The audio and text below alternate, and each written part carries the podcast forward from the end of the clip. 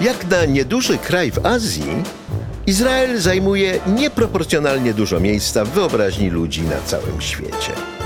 Może po prostu w ziemi zbyt obiecanej nie może być nudno. Gdyby można było eksportować historię lub teraźniejszość, to Izrael, jedyny kawałek Bliskiego Wschodu bez ropy naftowej, byłby drugim Kuwejtem. Ja się nazywam Konstanty Gebert i to jest podcast Ziemia zbyt obiecana. Mało jest ciekawszych miejsc na ziemi. WKHZ, jak to się mówi po hebrajsku. Tak to jest. Podcast Ziemia zbyt obiecana powstaje we współpracy z Fundacją Elnet, organizacją pozarządową, której celem jest pogłębianie relacji między Europą a Izraelem w oparciu o wspólne potrzeby i demokratyczne wartości. Dziękuję, że się zgodziłaś wziąć udział w tej rozmowie. E, I to, to, co chciałbym zrobić, to próbować się zorientować, e, jak to jest w kwestii stosunków polsko-żydowskich i polsko-izraelskich, bo wielokrotnie mi się zdarzyło, e, że jacyś nieżydowscy polscy znajomi mówili mi, no jak fantastycznie, że to wasze państwo funkcjonuje, albo co ten durny wasz rząd wyrabia.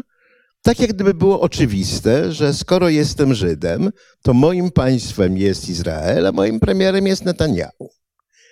E, tymczasem ja mam wrażenie, że to są jednak przynajmniej po części dwie rozłączne sprawy.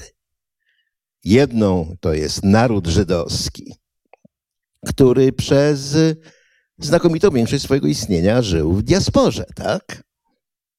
A drugą to jest państwo Izraela, którą ten naród zbudował, e, ale nadal nie wszyscy Żydzi są mieszkańcami Izraela i chyba nawet nie ma powodu żądać, by się nimi stali. E, ty tutaj jesteś w szczególnej sytuacji. No, prowadzisz centrum imienia Marka Edelmana, Marka, który był wściekłym antysjonistą, e, który był o Izraelu dość niemądrze złego mniemania i który był żydowski do szpiku kości, tak? E, ale przyjeżdżają tutaj często izraelskie wycieczki. Jeżeli jacyś Izraelczycy odwiedzają Łódź, to z konieczności trafiają do ciebie. Jak ty widzisz tą różnicę między sprawami izraelskimi i sprawami żydowskimi. E, no chyba, że nie widzisz, że jest jakaś różnica. To może rzeczywiście warto zacząć od tego, że Centrum Dialogu e, nosi imię Marka Edelmana od początku istnienia, czyli od 2011 roku. E, I od razu, kiedy e, otrzymało imię Marka Edelmana, który był, przypomnę, e, oczywiście bardziej skojarzony z Warszawą, z gettem warszawskim, a nie z Łodzią, choć w Łodzi spędził blisko 60 lat swojego życia. Tutaj kończył studia, tutaj był lekarzem, kardiologiem, tutaj też działał w opozycji demokratycznej, był taką postacią niezwykle ważną, jest honorowym obywatelem Łodzi.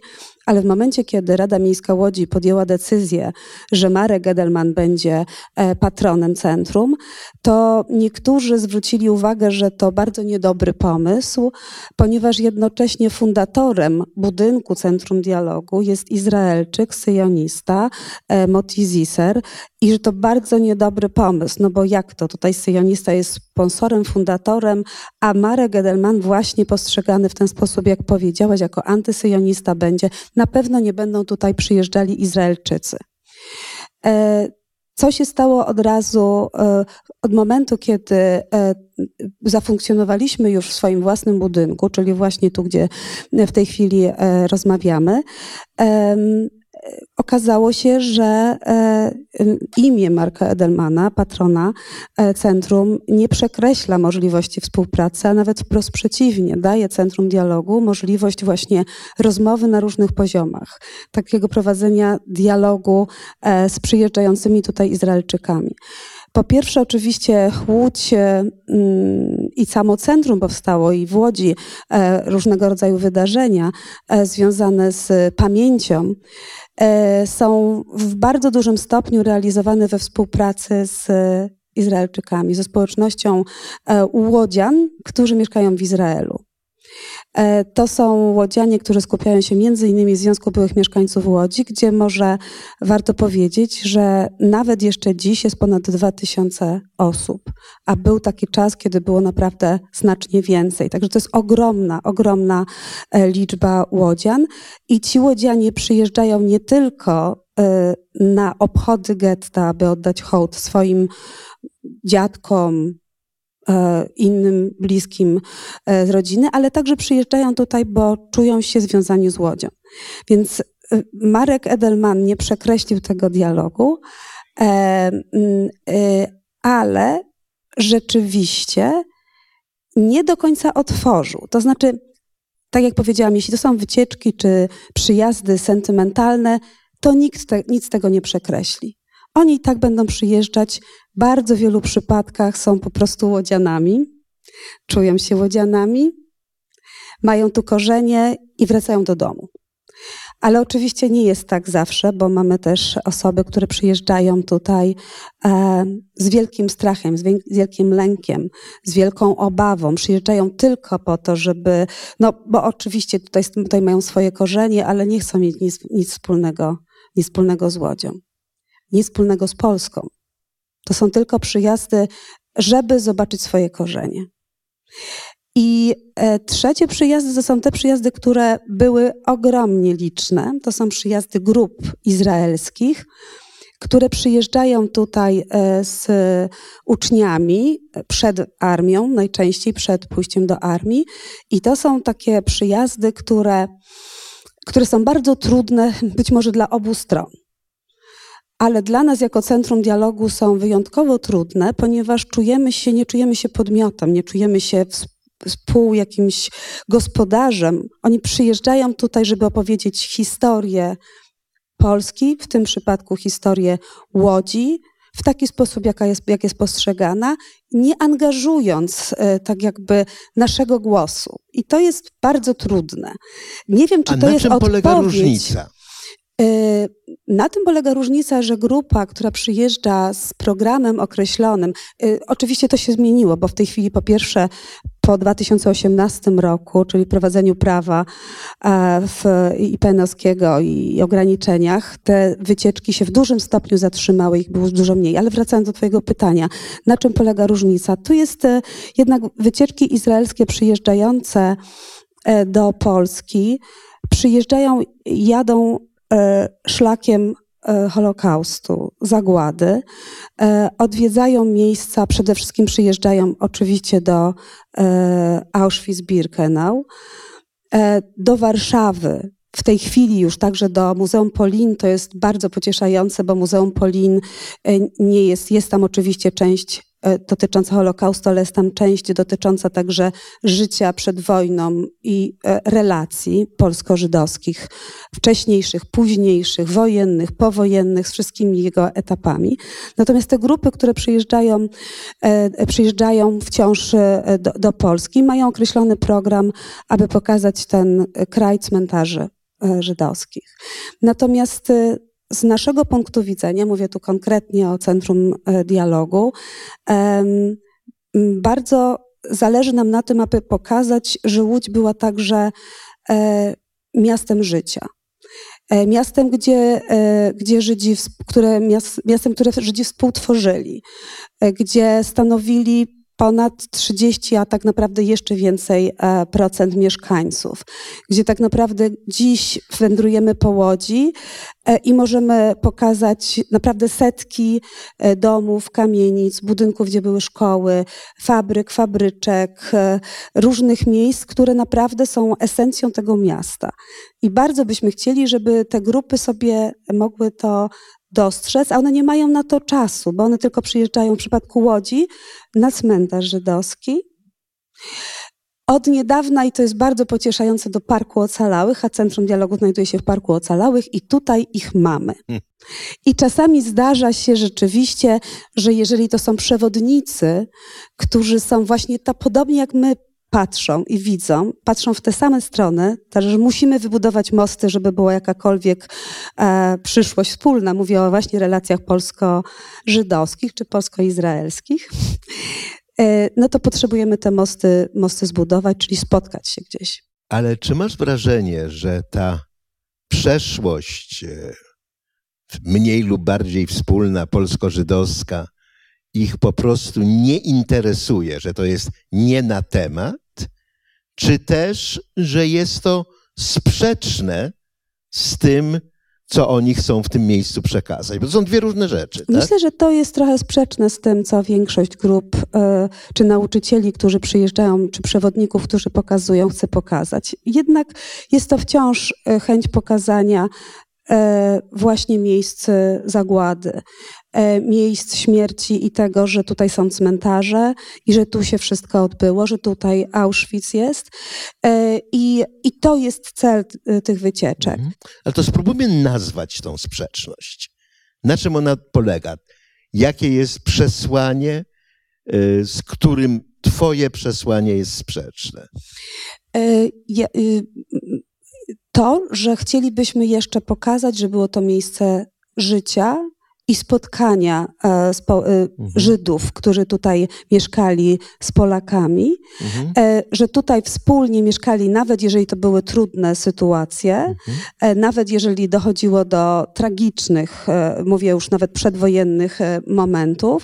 Natomiast, że jednak jeśli przyjeżdżają tutaj ci, którzy ocaleli zagłady, a są łodzianami, to wracają do miasta swojego dzieciństwa i mogą e, mogą odnaleźć te miejsca, nazwać je i powiedzieć, że Łódź jest wciąż moim miastem. No dobra, to nóżki na stół. Znaczy, y, czy jest tak, że podstawowym przesłaniem tych wycieczek izraelskich jest uczenie, że Auschwitz jest nieuchronną konsekwencją diaspory, a Izrael jest zanegowaniem Auschwitz, a więc zanegowaniem diaspory.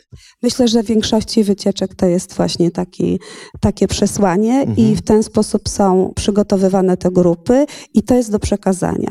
Może podam Ci przykład mhm. taki, kiedy, e, kiedy chcemy niektórym grupom opowiedzieć o Marku Edelmanie, bo jak wiesz, e, mieliśmy tutaj przez kilka lat e, wystawę o Marku Edelmanie, taką dużą, naprawdę mogliśmy pokazywać pokazywać film i porozmawiać, to w zasadzie większość przewodników nie chciała e, e, w ogóle e, wejść na tę wystawę, żebyśmy my mieli przestrzeń, żeby porozmawiać.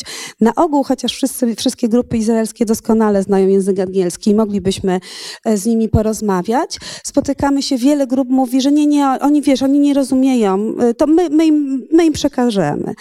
I ze smutkiem mogę powiedzieć, że rzeczywiście to jest po, po stronie tych y, nauczycieli czy grup, czy pilotów, często taka reakcja przerażenia, że co my powiemy w tym momencie. Ale żeby było jasne, i tutaj e, też e, wiele przyjeżdżało już do nas takich grup przewodników izraelskich, którzy właśnie widzą też taką potrzebę, że żeby wiedzieć, co tu się wydarzyło, warto wiedzieć, jaka była ta Polska wcześniej. I takich spotkań mamy coraz więcej. I może jeszcze jedną historię opowiem, bo to jest z mojego punktu widzenia czymś, co chyba, czego brakuje. Te grupy przyjeżdżają, to jest osiem autobusów podjeżdża naraz. Nawet u nas, gdzie, gdzie mamy 200 miejsc, to nie jest możliwe, żebyśmy zrobili jakiekolwiek spotkanie, e, gdzie mogą się spotkać młodzi Polacy i młodzi e, Izraelczycy, Żydzi. Mhm. Nie ma w zasadzie takiej możliwości. Byłoby mhm. idealne, gdyby spotkała się grupa kilku, nie wiem, no dwudziestu powiedzmy izraelskich uczniów i dwudziestu polskich i żeby spędzili tydzień razem. A to jak wiesz jest prawie niemożliwe. I e, w świecie idealnym I jeszcze kilka lat temu zdarzył się taki projekt, który tutaj był realizowany. E, to był projekt, e, w którym brało udział dziesiątka młodych Izraelczyków, właśnie takich 16-17 lat i, i młodych tutaj tak, w tym samym wieku uczniów łódzkich liceów. I to, to, był projekt filmowy, realizowany we współpracy z łódzką szkołą filmową i szkołą chyba w Tel Awiwie. E, I e, ci młodzi ludzie spędzili z sobą pierwszy tydzień, gdzie młodzi Polacy e, byli takimi przewodnikami dla nich. E, e, pokazywali im łódź, opowiadali, to był jeszcze to nawet, to musiał być jakiś rok 2008 albo siódmy, ponieważ żył jeszcze Marek Edelman. I e, dlaczego o tym mówię? Bo w pewnym momencie ci młodzi e, e, uczniowie łódzcy opowiadali, no i wiecie, w Łodzi żyje Marek Edelman. A po drugiej stronie, mhm. a kto to? No jak to? No, no Marek Edelman. No wiecie, no ten komendant, ten powstań. Nie, nie. No Marek Edelman, no my się uczymy, my wszyscy w szkole mamy, rozmawiamy o nim. Wy nie wiecie? Nie, nie. Jeden z chłopców postanowił zadzwonić do swojej mamy, która pracowała w Yad Vashem. E, I jest to wszystko nagrane, bo powstał z tego film. E, kiedy ten chłopak dzwoni, mówi, mam, jesteśmy, wiesz, no w Łodzi jesteśmy i tutaj coś, jakiś Marek Edelman, czy ty wiesz, kto to był? I my nie słyszymy tego, co mama odpowiada, i jest taka cisza. Dlaczego mi nie powiedziałaś? I proszę Państwa, i ten film powstał. E, tam ci młodzi ludzie poszli do Marka Edelmana. Marek Edelman wtedy, wtedy jeszcze w formie, żeby się... 2006. Marek Edelman się z nimi spotkał i powstał ten film. Ale to pokazuje, jak bardzo różnie, e, różnie wiemy, różnie patrzymy. I to jest ten idealny moment, żeby w takich małych grupach e, spotykać się. Ale tak jak powiedziałam, to jest świat idealny, rzadko można sobie na to, na to pozwolić. No dobra, ale czy oni nie mają racji? Znaczy, czy, czy ta wizja, że te 1900 lat diaspory skończyło się nieszczęściem, że biorąc pod uwagę antysemityzm, z jakim się Żydzi spotykali w diasporze, takie nieszczęście było nieuchronne i że wobec tego to trzeba wszystko przekreślić e, i zacząć tam, gdzie się historia żydowska przerwała, czyli w 70 roku, kiedy została zburzona druga świątynia. Historia się wznawia w 1948 roku, kiedy zostaje odbudowane państwo Izraela, a to, co było pomiędzy, to jest tragiczne nieporozumienie, o którym najlepiej zapomnieć. To oni nie mają racji. To znaczy, z pewnej perspektywy tak, no jest, zwłaszcza jeżeli buduje się nowe państwo i chce się stworzyć, stworzyć. Yy, pokazać, dlaczego ono jest ważne i dlaczego ono jest konieczne i dlaczego jest nieodzowne, żeby było takie. Natomiast e, myślę, że warto pokazać, że w tym, w tym świecie przed były także jakieś jasne strony, że były e, dobre momenty, że były wspólne działania i że nie, byli, nie było tylko prześladowań, ale razem coś się działo.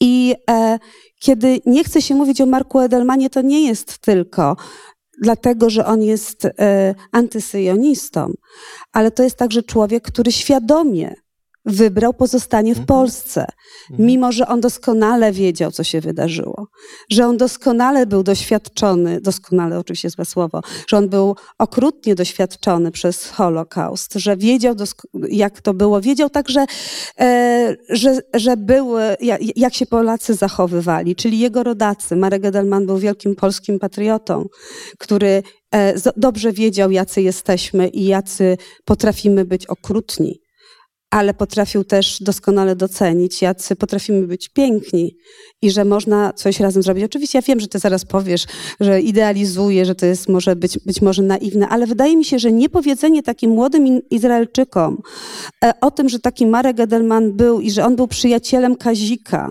i że on był przyjacielem no, e, e Antka Słuchaj, kłócili się wściekle i z Kazikiem, i z Antkiem. No, ja no. doskonale wiem, kłócili się, kłócili się, i, ale jednak to byli bardzo bliscy przyjaciele. A nie powiedzenie tym młodym ludziom, że jednak byli tacy, którzy świadomie wybierali nie ten Izrael, mhm. nie Erec Izrael, mhm. nie przyszłość tam, ale, ale tu, mimo tego wszystkiego, mhm. mimo Holokaustu, mimo pogromów, mimo Kielc, i mimo wielu innych strasznych rzeczy, to uważam, że to już jest pozbawianie tych młodych Izraelczyków pewnej wiedzy na temat swoich także korzeni. Także to jest bardzo, e, wydaje mi się, ważne. E, to ja dalej będę adwokatem diabła. E, no to co konkretnie ci młodzi Izraelczycy tracą, nie wiedząc o Marku Edelmanie? Dlaczego ten chłopak był taki oburzony? Mamo, dlaczego mi nie powiedziałaś? Ponieważ nie znał pewnej części swojej historii. Został przywieziony, jego mama pracuje w Yad Vashem, e, zajmuje się historią Holokaustu. Grupa przyjeżdża, jego koledzy i on przyjeżdża do Polski, żeby poznać historię.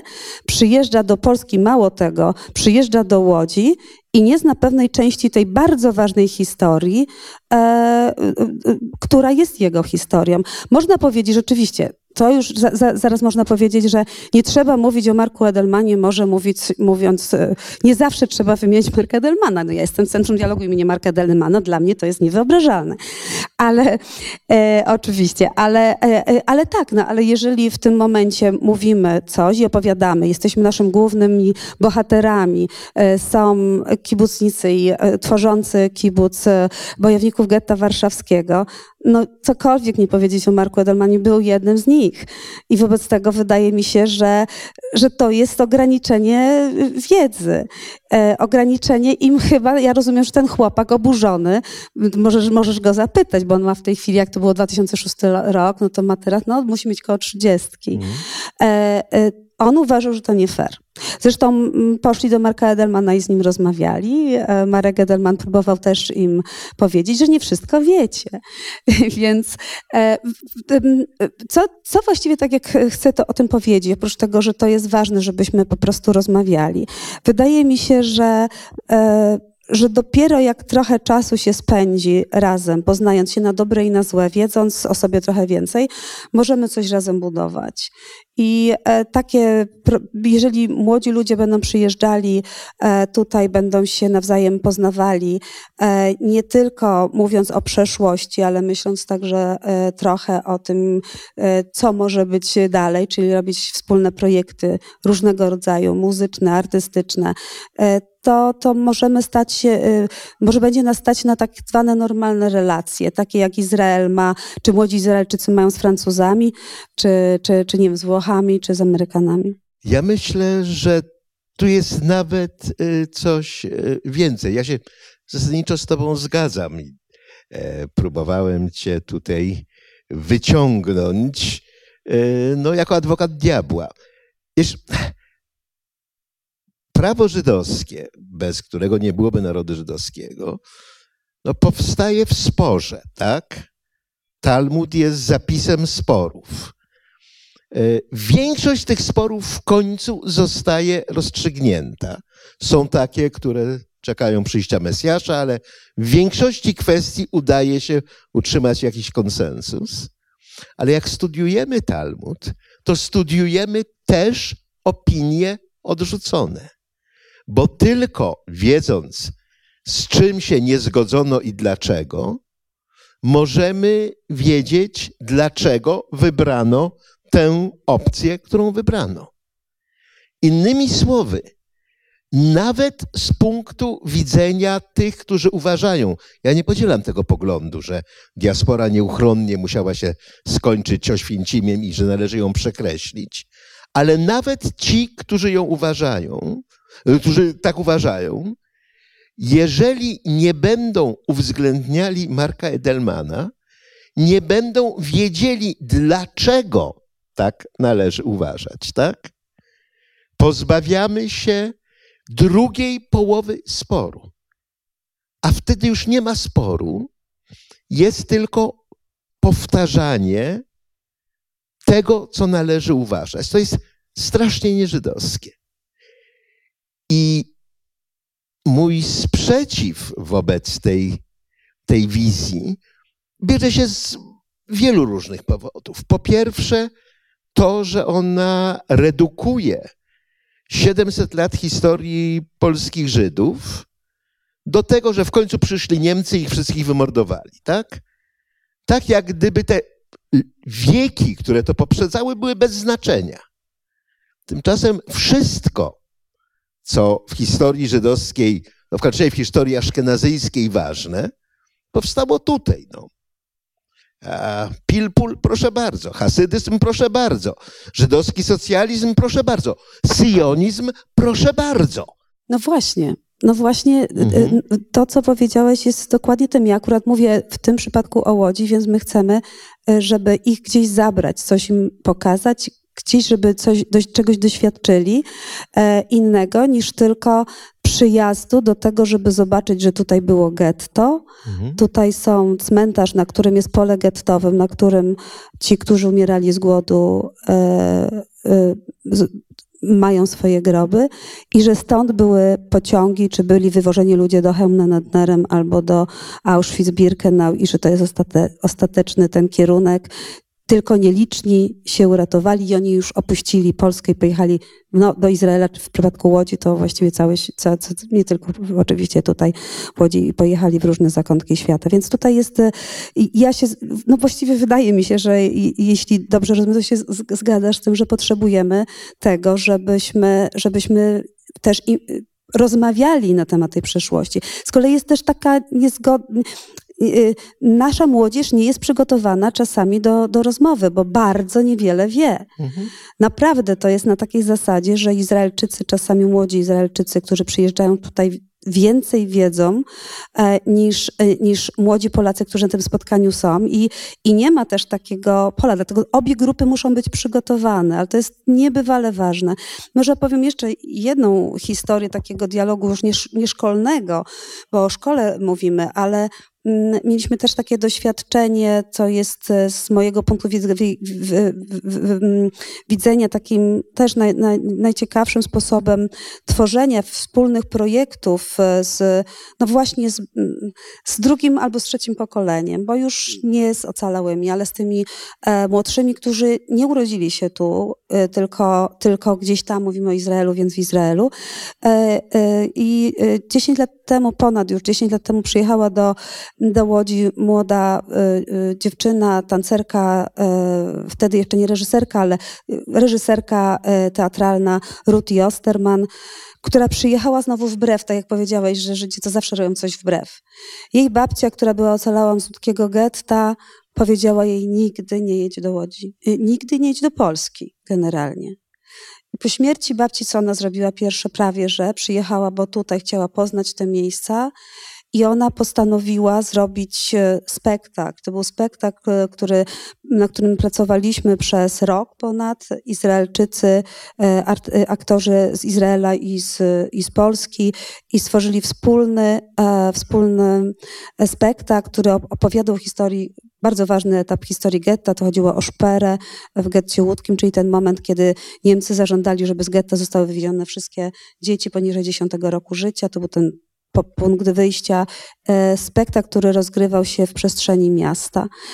E, ale tak naprawdę przez e, ten, ten spektakl był efektem i oczywiście ważnym z perspektywy takiej czy artystycznej, czy naszej jako, jako, jako Centrum Dialogu, myśmy byli wraz z Teatrem Chorea producentami, ale tak naprawdę najważniejszy był proces. Czyli to, co się działo między tymi młodymi aktorami z Polski i z Izraela. Tam naprawdę wszystko było dużo łez, było dużo rozpaczy, było dużo pretensji, e, e, ale to wszystko potrzebowało to czasu żeby można było wspólnie coś stworzyć. I, i naprawdę to jest potrzebne, tak zwane, tak zwane normalne, nawet wykrzyczenie bólu, i rozpaczy i tego, że moja babcia, co babcia powiedziała i że nienawidzę tych, e, e, tych napisów Judę tutaj. Jak to jest możliwe, że, e, że wy na to się zgadzacie albo Gwiazdy Dawida i co mnie to obchodzi, że to jest walka jakichś dwóch głupich klubów piłkarskich. Nic mnie to nie obchodzi, bo mnie to boli. I, i, ale nas też to boli. Ja, mnie to też boli. E, I, i to, są, to są te procesy, które. Ja nie wiem, czy my rozmawiamy o tym, o czym chciałeś rozmawiać, ale tak. Rozmawiamy ale... o tym, o czym chciałem, y, trochę innym tropem.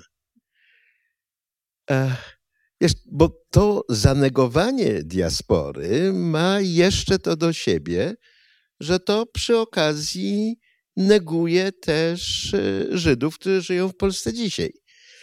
E, kiedy się zaczęły marsze żywych, e, polscy Żydzi nie mieli prawa udziału w tych marszach. Znaczy, jeżeli to byli polscy Żydzi, powiedzmy, z Wenezueli, to tak. Ale polscy Żydzi z Polski nie, no bo to, że są Żydzi w Polsce e, i chcą nadal tutaj być, a nie są zmuszeni być, bo nie wolno im emigrować i tylko czekają na następny pogrom. Nie, to po prostu są mieszkańcami, obywatelami kraju no bardzo psuło tą narrację, prawda, że diaspora prowadzi do Oświęcimia i tam się kończy. Więc polscy Żydzi nie mogli uczestniczyć w marszach żywych, ale potem presja nieżydowskich Polaków, którzy chcieli uczestniczyć w marszach żywych, żeby okazać solidarność e, z Żydami, była taka, że zaczęto dopuszczać delegacje polskich szkół, no i wtedy już trudno było być antysemitnikiem i nie pozwalać Żydom, tak? I tak dopiero w połowie lat 90. pierwsze grupy polskich Żydów mogły uczestniczyć w marszach żywych, co bardzo myślę y, dokładnie pokazuje, na czym polega absurd tej negacji. Ale chciałbym Cię zapytać o coś jeszcze jednego. No, to, co na pewno różni stosunki polsko-żydowskie i polsko-izraelskie, to jest to, że stosunki polsko-żydowskie to jest jednak przeszłość. E, jest po prostu za mało Żydów w Polsce, żeby te stosunki mogły mieć jakiś no, e, powszechny czy głęboko znaczący wymiar. Stosunki polsko-izraelskie to jest teraźniejszość i przyszłość. E, czy dla ciebie coś z tej nieciągłości wynika? Czy może tej nieciągłości nie ma? Może jest pozorna? Jak uważasz? Kiedy w 2003 roku ówczesny prezydent Łodzi Jerzy Kropiwnicki e, za namową zresztą pana profesora e, Bartoszewskiego postanowił zaprosić do, do Łodzi na obchody 60. rocznicy getta tych, którzy przeżyli, są rozsypani po całym, po całym świecie i także do, do y, Izraela. To było, to było niesamowite chyba dla wszystkich, y, y, dla nas też y, w sumie w Łodzi czy w Polsce, ale odpowiedź ze świata była ogromna także z Izraela ogromne zaangażowanie i wtedy przyjechało około 5 tysięcy ludzi z, z, z, z różnych zakątków świata, e, bo została wyciągnięta ręka e, do nich, zaproszenie do miasta, z którego pochodzili. To było ogromnie ważne. Myślę, że to, co się w Łodzi dzieje do dziś, to jest konsekwencją tego e, i wszystko to, co się wydarzyło z, z pamięcią. Natomiast myślę, że ta decyzja była decyzją nie tylko taką idealistyczną. nawet więcej niż wydaje mi się, ale y, było też jasno powiedziane, że, że za tym gestem e, właśnie zacznie się e, tak zwana wymiana, y, przyjdzie biznes izraelski czy żydowski, tak zwany z całego świata, że, że tu się pojawi ten biznes. I tu się chyba trochę nie do końca um, okazało to prawdą, że rzeczywiście to nie do końca się zrealizowało. Czyli to, o czym e, też e, mówisz, o tym polsko-izraelskim, chociaż co, myślę, że to się stopniowo zmienia także dzięki temu, że pojawiły się e, tego typu gesty, że jest otwartość pewna e, i niektórzy zdecydowali się na takie e, działania, na inwestycje. Tylko, tylko myślę, że było oczekiwanie inne. Gdyby no, tak ale na czy, to... czy są jakieś podstawy do takich oczekiwań? Znaczy, dlaczego mieliby Izraelczycy inwestować akurat w Łodzi, a nie powiedzmy, nie wiem, w Bordeaux czy w São Paulo, tak? No właśnie niektórzy tak postrzegają, że no dlatego, że są te korzenie sentymentalne. Ja myślę, że, że już się e, inni wyleczyli z tego myślenia, ale rzeczywiście takie, no, ja pamiętam teoria, 20... że biznes jest sentymentalny, wydaje mi się dość egzotyczna. Jest egzotyczna, ale zapewniam cię, że, e, że, że tutaj była, była w, tym, w tym podtekście, że to jest zaproszenie jednocześnie, jednocześnie do, do jakiejś takiej współpracy ekonomicznej. Wiesz co, e, nie, ale to, to mi się wydaje niemądre, ponieważ ponieważ to jest e, taki komunikat do Izraelczyków, no to coś za Coś- coś. My was będziemy geszeft, kochać, tak? a wy nam będziecie płacić. Oczywiście, tak? że to jest. Ja, ja, tak jak powiedziałam, że pod tym się kryło. Wyglo jednak wyglądało na to, że nie chodziło tylko. To było bardzo ważne. Ten gest był bardzo ważny. Nie chciałabym absolutnie tutaj zanegować tego, co nie, ja się zostało zgadzam, zrobione. tylko że mówimy Tylko, o że- tym, co szło za tym Tak, gestem. tak, tak, tak, tak, tak że Mhm. jest. Natomiast y, y, myślę, że rzeczywiście pojawiło się współpracę, e, ale jeszcze nie dość takiej współpracy na przykład naukowej między uczelniami. Również takiej, która dotyczy właśnie przeszłości e, i to, y, y, i, i tego, to jest, naprawdę jesteśmy w tej chwili u, u zalo, w zalążku tego. Tego jest za mało, a można byłoby wspólne projekty No. rzeczywiście stworzyć. No to tutaj ja powiem coś, czego tylko nie będę chciał, żebyś ty jako dyrektorka publicznej instytucji się odnosiła, ale strasznie jest trudno myśleć o sensownej współpracy uczelnianej, jeżeli w Polsce za wyrażanie poglądów naukowych można pójść do więzienia, tak? E, Więc to oraz ta zmasowana propaganda rządowa, która zakłamuje historię stosunków polsko-żydowskich, nie zachęca nie tylko do inwestowania, nawet nie, nie tylko do odwiedzania, ale do tego, żeby w ogóle tą Polską sobie zawracać głowę. Znaczy, Polska jest tutaj źródłem najgorszych antypolskich stereotypów. Sami sobie to robimy. Tak, sami to sobie zrobiliśmy od 2018 roku, Mhm. później jeszcze była oczywiście pandemia, e, to co, co jeszcze pogłębiło ten, taką, taką lukę. Absolutnie, masz rację. Po 2018 roku sytuacja się zmieniła. Bo ja zaczęłam mówić historycznie, to, Mhm. to co się zaczęło. Zaczął się naprawdę no, 20 parę lat, właściwie 30 lat y, prowadzące do takich właśnie działań i rzeczywiście decyzje e, władz doprowadziły do tego, że to zaczęło się, co najmniej się załamało. Tu, tu, tu a, y, a, absolutnie jesteśmy w tym mo- momencie też w impasie. y, w Ale za to rozwinęła się inna współpraca. Nie tylko kupujemy za ciężkie pieniądze Pegasusa, system z, komputerowy z Izraela, który pozwala śledzić własnych obywateli, ale jak powiedział minister Jabłoński, delegacja izraelska przybyła do Polski, żeby się uczyć, jak walczyć z niezależnymi sądami. Y, Izraelczycy tego nigdy nie zdementowali, tak? Czyli no, można powiedzieć, że jedne formy współpracy zanikają, ale inne rozkwitają bujnym kwieciem. No, e, cóż, cóż na to powiedzieć?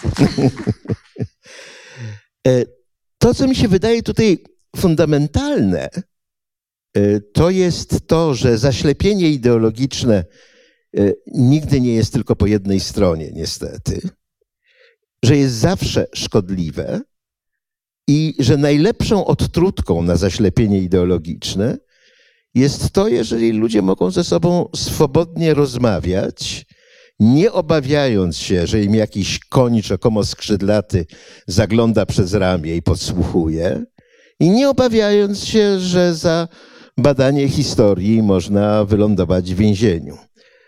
Ale to, co mi się też tu wydaje interesujące, to jest to, że choć formalnie różnica między stosunkami polsko-żydowskimi a polsko-izraelskimi jest bardzo oczywista, są dwie rozłączne sprawy, to te stosunki polsko-izraelskie wyglądają mi dziwnie polsko-żydowsko, tak? Znaczy, że w tym rozpoznajemy tak stra... Tak, tak. I to y, ja lubię powtarzać, że kiedy y, próbuję jakimś obcokrajowcom tłumaczyć polską scenę polityczną, to jeżeli to są jacyś Duńczycy czy inni Kanadyjczycy, to wymiękają po pięciu minutach. To jest zbyt dziwne, zbyt egzotyczne, nic nie rozumiem. Natomiast Izraelczykom wystarczy tylko przełożyć nazwy partii. No, nasz Likud nazywa się PiS, nasz Kahol Belawan nazywa się Koalicja Obywatelska, nasz Szas nazywa się PSL i wszystko staje się jasne, łącznie z procentowym udziałem w elektoracie i kulturą polityczną poszczególnych formacji, tak? I to może bierze się z tego, że kiedy ja pierwszy raz przyjechałem do Izraela, e, moi izraelscy przyjaciele, a to było w 80, początek 90 roku, moi izraelscy przyjaciele byli bardzo zdziwieni, że ja znam takie idiomatyczne hebrajskie zwroty jak balagan i protekcja. No ludzie! I być może część problemu polega na tym, że te 700 lat nie, to, to, to nie był pas, pasmo rozkoszy. To jest po prostu bzdura, ale nauczyliśmy się siebie nawzajem. Znamy się jak łyse konie i dlatego może tak bardzo do siebie nieufnie podchodzimy, bo znakomicie wiemy, co ci drudzy myślą, uważają i chcieliby zrobić. Tak? Nie byłabym taką optymistką, że doskonale się znamy. No. E, wydaje mi się, że właśnie nie do końca, nie do końca potrafimy usłyszeć siebie nawzajem.